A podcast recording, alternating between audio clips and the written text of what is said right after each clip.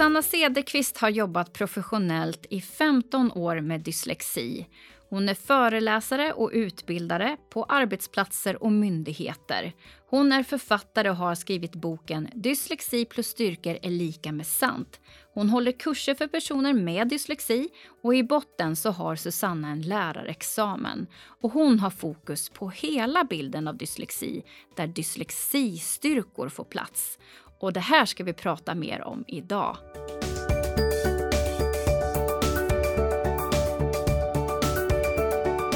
Välkommen till Arbetsförmedlingens jobbpodd, Susanna. Tack så mycket. Kan personer med dyslexi jobba med vad som helst? Alltså jag tänker att ingen kan jobba med vad som helst. Vi är olika allihopa och eh, jag till exempel skulle inte kanske ta jobb som nyhetsuppläsare för jag skulle inte vara så duktig som det. Ehm, samtidigt så vet jag många personer som inte skulle kunna jobba som musiklärare till exempel som inte skulle passa för det. Så att det har med att vi är olika varandra och och det har ingenting kan... med dyslexi att göra? Nej men absolut. Har du själv dyslexi? Jag har själv dyslexi, ja det har jag. Hur, eh, när fick du reda på det eller hur uppdagades det? Det var ju när jag var barn. Ehm, jag fick ju diagnosen i årskurs 8 men det var ju känt sedan tidigare. Så. Och jag började tidigt lägga märke till både förstås vad jag hade svårt med kring läs och skriv. Men också så började jag se annat som var gemensamt dyslektiker emellan som inte hade med svårigheterna att göra. Mm. Och sen har det blivit tydligare och tydligare bara för mig genom åren och sen också genom mitt arbete i detta. Men du jobbar ju med att både undervisa eller ha kurser i det här. Du skriver böcker, du jobbar mycket med text. Eh, hur går det här ihop? Ja, alltså jag är ju mycket för det här med att kompetenseffektivisera mera och att man ska jobba utifrån just sina sätt.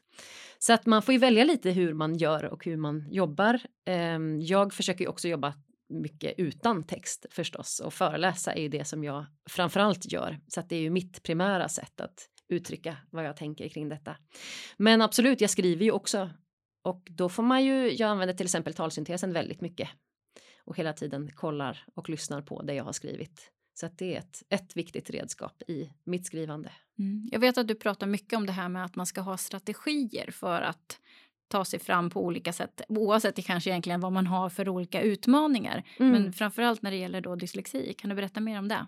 Ja men precis, alltså textnormen som jag kallar det är ganska stark i vårt samhälle och vi utgår i många sammanhang kring att man ska liksom just jobba med text. Man ska ta till sig information via text.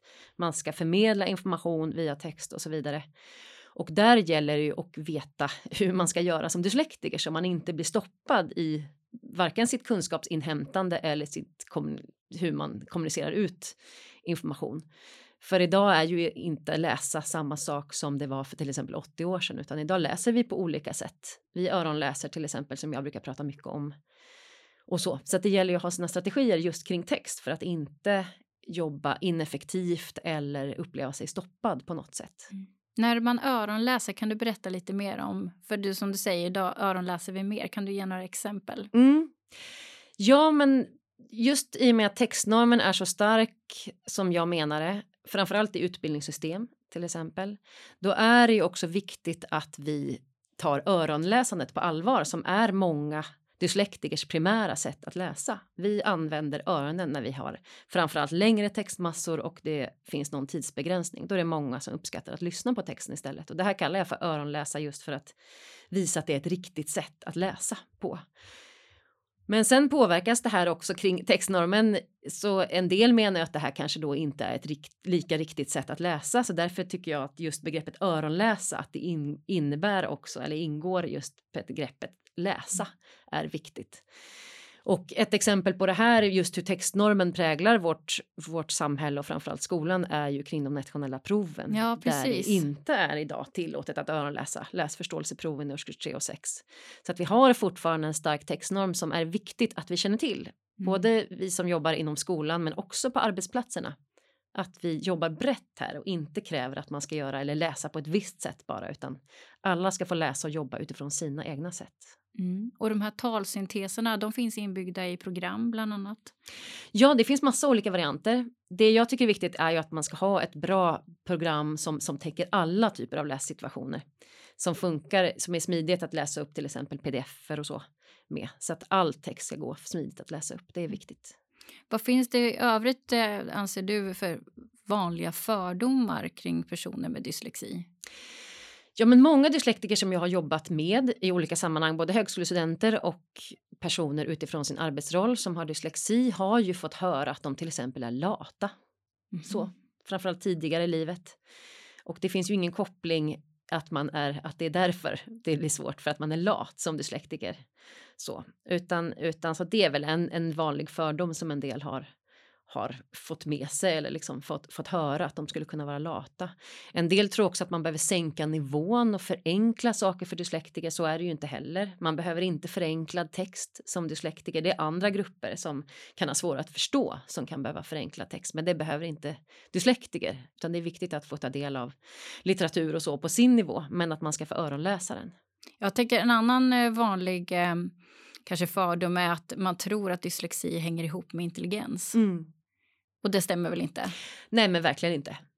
Och det har vi också vetat sedan länge, men sen gäller det också att vi handlar ut efter det. Så att man verkligen känner att, att man inte blir bemött på något visst sätt eller så för att man är dyslektiker. Mm. Men om man nu, eh, som jag tänker de som är arbetssökande som kanske lyssnar på den här podden idag eller det här avsnittet. Ehm, det här med att upptäcka dyslexi som vuxen. För det kanske är så man också ehm, inser att man kanske har svårt att söka jobb eller skriva CV och sådana saker. Eh, hur ska man gå tillväga om man tror att man har dyslexi? Ja, här ser det lite olika ut över landet tyvärr. Eh, vilket man kan uppleva är lite rörigt när vi inte har samma system överallt.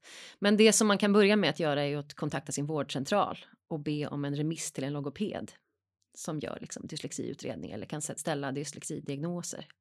Så att det är det första man kan, man kan göra och prova.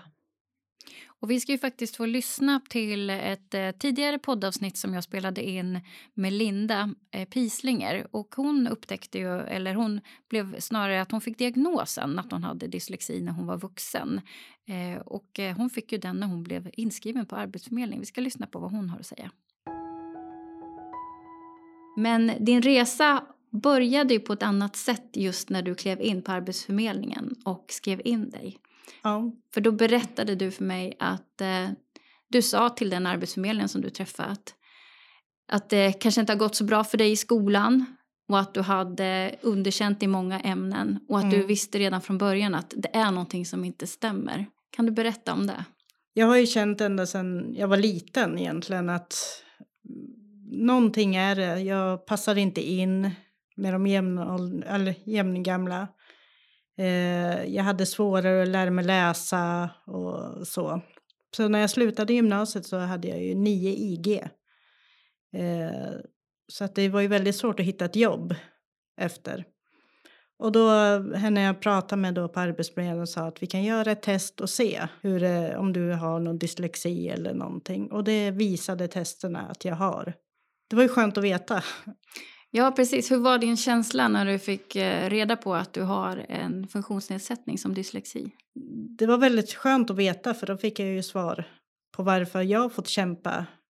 För det är många gånger kompisarna hade bara plugga en halvtimme och jag satt två timmar. Men ändå så lyckades de bättre. Så det var ändå skönt att veta att det är någonting. Ja, men för henne blev det ju uppenbart att det hade absolut inte med intelligens att göra som hon trodde att det var någonting som var något fel på henne när hon gick i skolan. Men sen visade det sig att hon fick ju väl godkänt när hon gick en utbildning sen som vuxen. Är det här vanligt? Ja, men det är otroligt viktigt att få en förklaring till varför man fungerar som man gör. Så att, att få en dyslexidiagnos är ju jätteviktigt för sin egen självbild, att få insikt i sina egna kompetenser. Mm. Verkligen. Men jag tänker då på arbetsplatserna, om man då har dyslexi, vilken hjälp kan man få där? Vilken skyldighet har till exempel arbetsgivaren? Ja, men här finns det jättemycket som en arbetsgivare bör göra, tycker jag. Och det finns jättemycket att vinna på att jobba på vissa sätt. Att man har redan förberett för att människor jobbar på olika sätt. Så att man har det generellt i sin struktur på en arbetsplats. Att det finns klara med massa dataprogram i datoren och att man pratar om att hur olika man tar till sig information och så. Att vi jobbar olika. Det är otroligt viktigt just för normen. För alla människor vill vara en del av av normen och den styr vi på arbetsplatser. Ja, och om man då har det här tillgängligt med att man kan lyssna också, Mm. då blir ju det normalt. Ja men precis, förhållningssättet till dyslexi är oerhört viktigt på en arbetsplats och att det finns i det generella så att inte det läggs på individen att den ska hålla på och fixa med massa saker utan om det redan finns där från början att det, det normala är att jobba på olika sätt Mm. så vinner man jättemycket. Men det. om det inte finns då det här på en arbetsplats, vad tycker du att man ska göra då? Du sa att det ska inte ligga på den personen att eh, driva det här kanske, men kan man göra någonting då för att underlätta? Ja, men dels kan man som dyslektiker själv sätta sig mer in i hur man kan se på dyslexi och varför man fungerar som man gör. Så att man får en förklaring, dels var, vad det är man tycker är svårt och få en förklaring till det, men också framför allt varför man kan tycka att vissa saker också känns lättare. Så att man förstår de här skillnaderna tydligare. Sen på en arbetsplats om man känner att nej, men vi har inte så bra koll på det här, då är det ju bara att ta in ta in fortbildning kring det. För det är ju jätteviktigt att man som arbetsplats har en, en korrekt och rättvis bild av vad dyslexi är för att kunna bemöta alla på ett rättvist sätt. Ja, för jag tänker också, det är ju, det är ju väldigt många som har dyslexi. Mm. Om man tänker sig att man är en arbetsgrupp på 15-20 personer så är det ju väl ja, minst två väl som Mm. har dyslexi om man tittar på genomsnittet. Mm.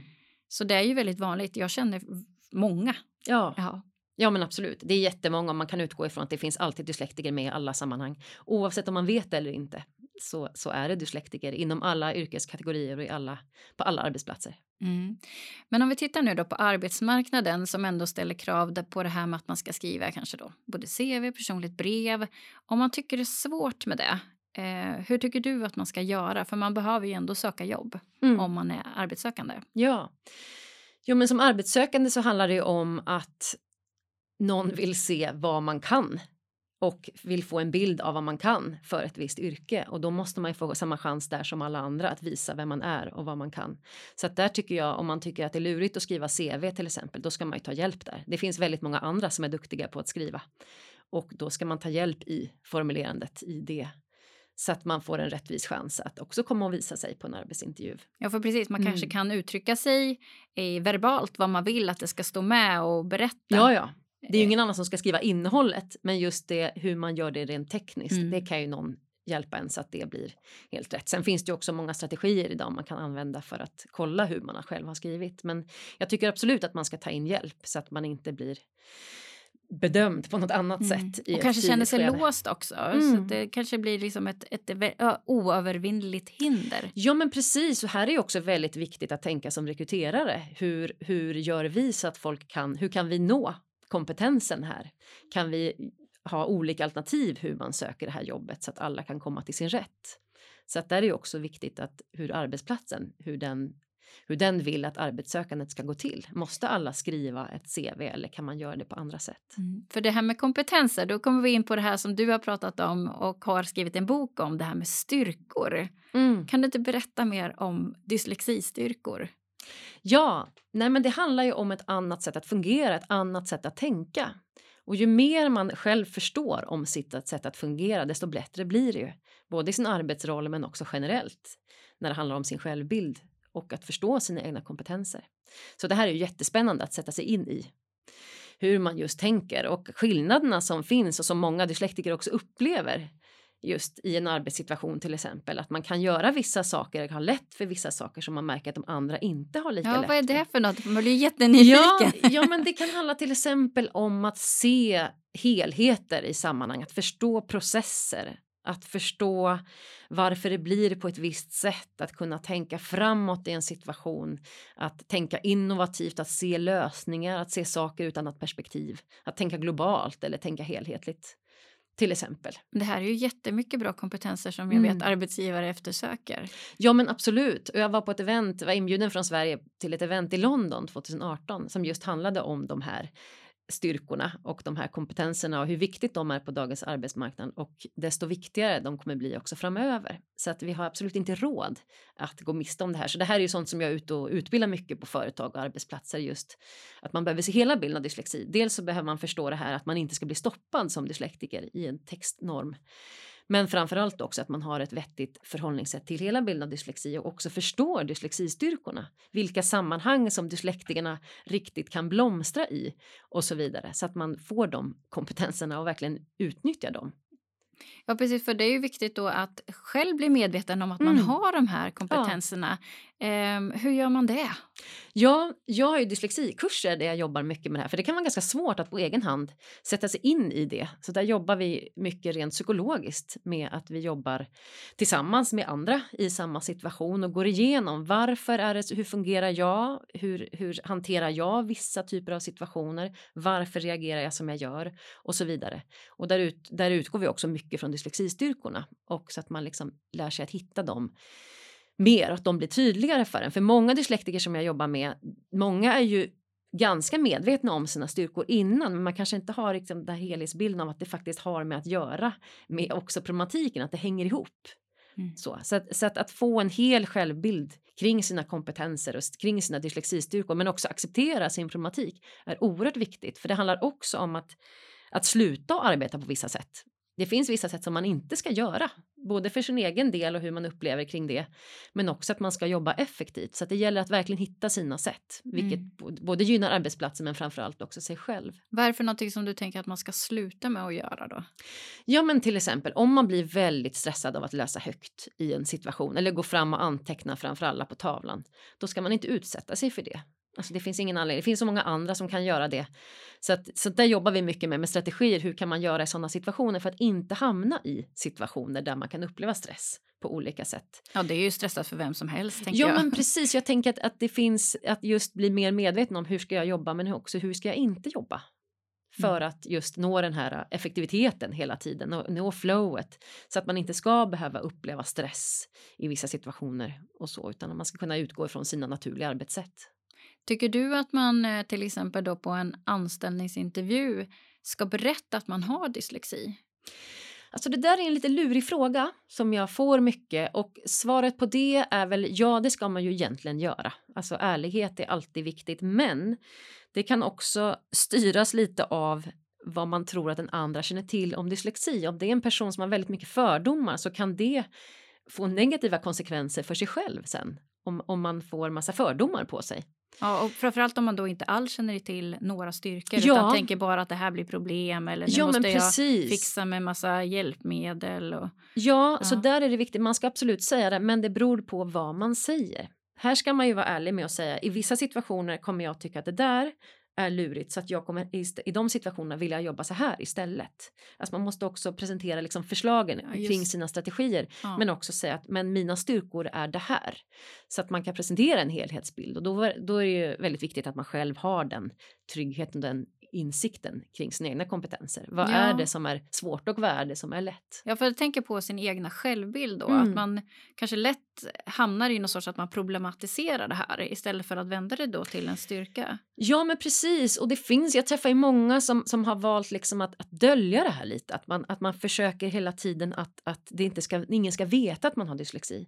Och det tar ju otroligt mycket kraft att, att lägga på att hela tiden försöka dölja det här. Mm. Men om vi ska titta nu då på om man ska lyfta de här styrkorna på ett mm. bra sätt eh, i till exempel på en anställningsintervju. Vilka styrkor tycker du att man ska trycka särskilt på?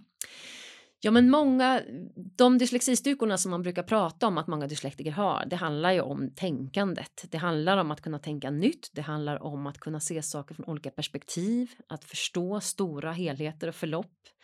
Det handlar om att se hur saker och ting ser ut från olika perspektiv. Det handlar om att många har ett väldigt starkt tredimensionellt tänkande. Så att det finns otroligt många fördelar just kring, kring de här processerna.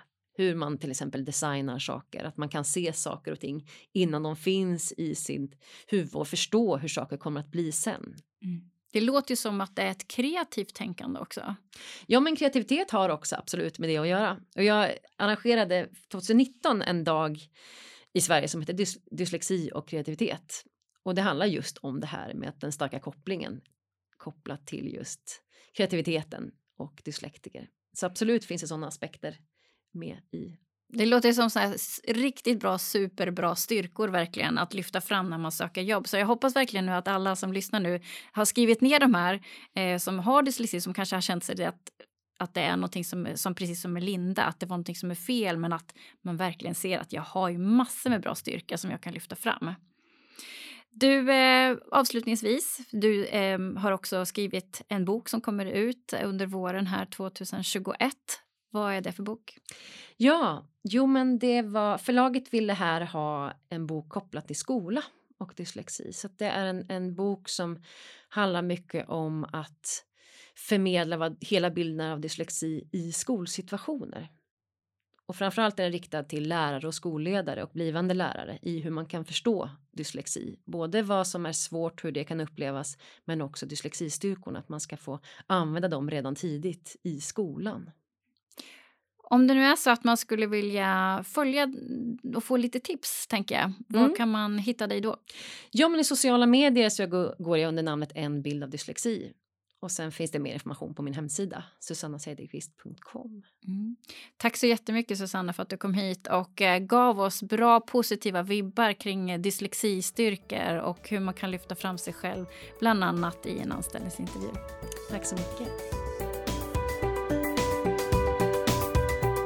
Du har lyssnat på Arbetsförmedlingens jobbpodd och jag heter Charlotte Lindman. Gäst var Susanna Cederqvist, tekniker, Sylvester Jan.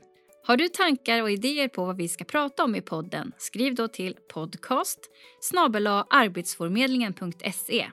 Det här avsnittet producerades vintern 2021. Vi hörs!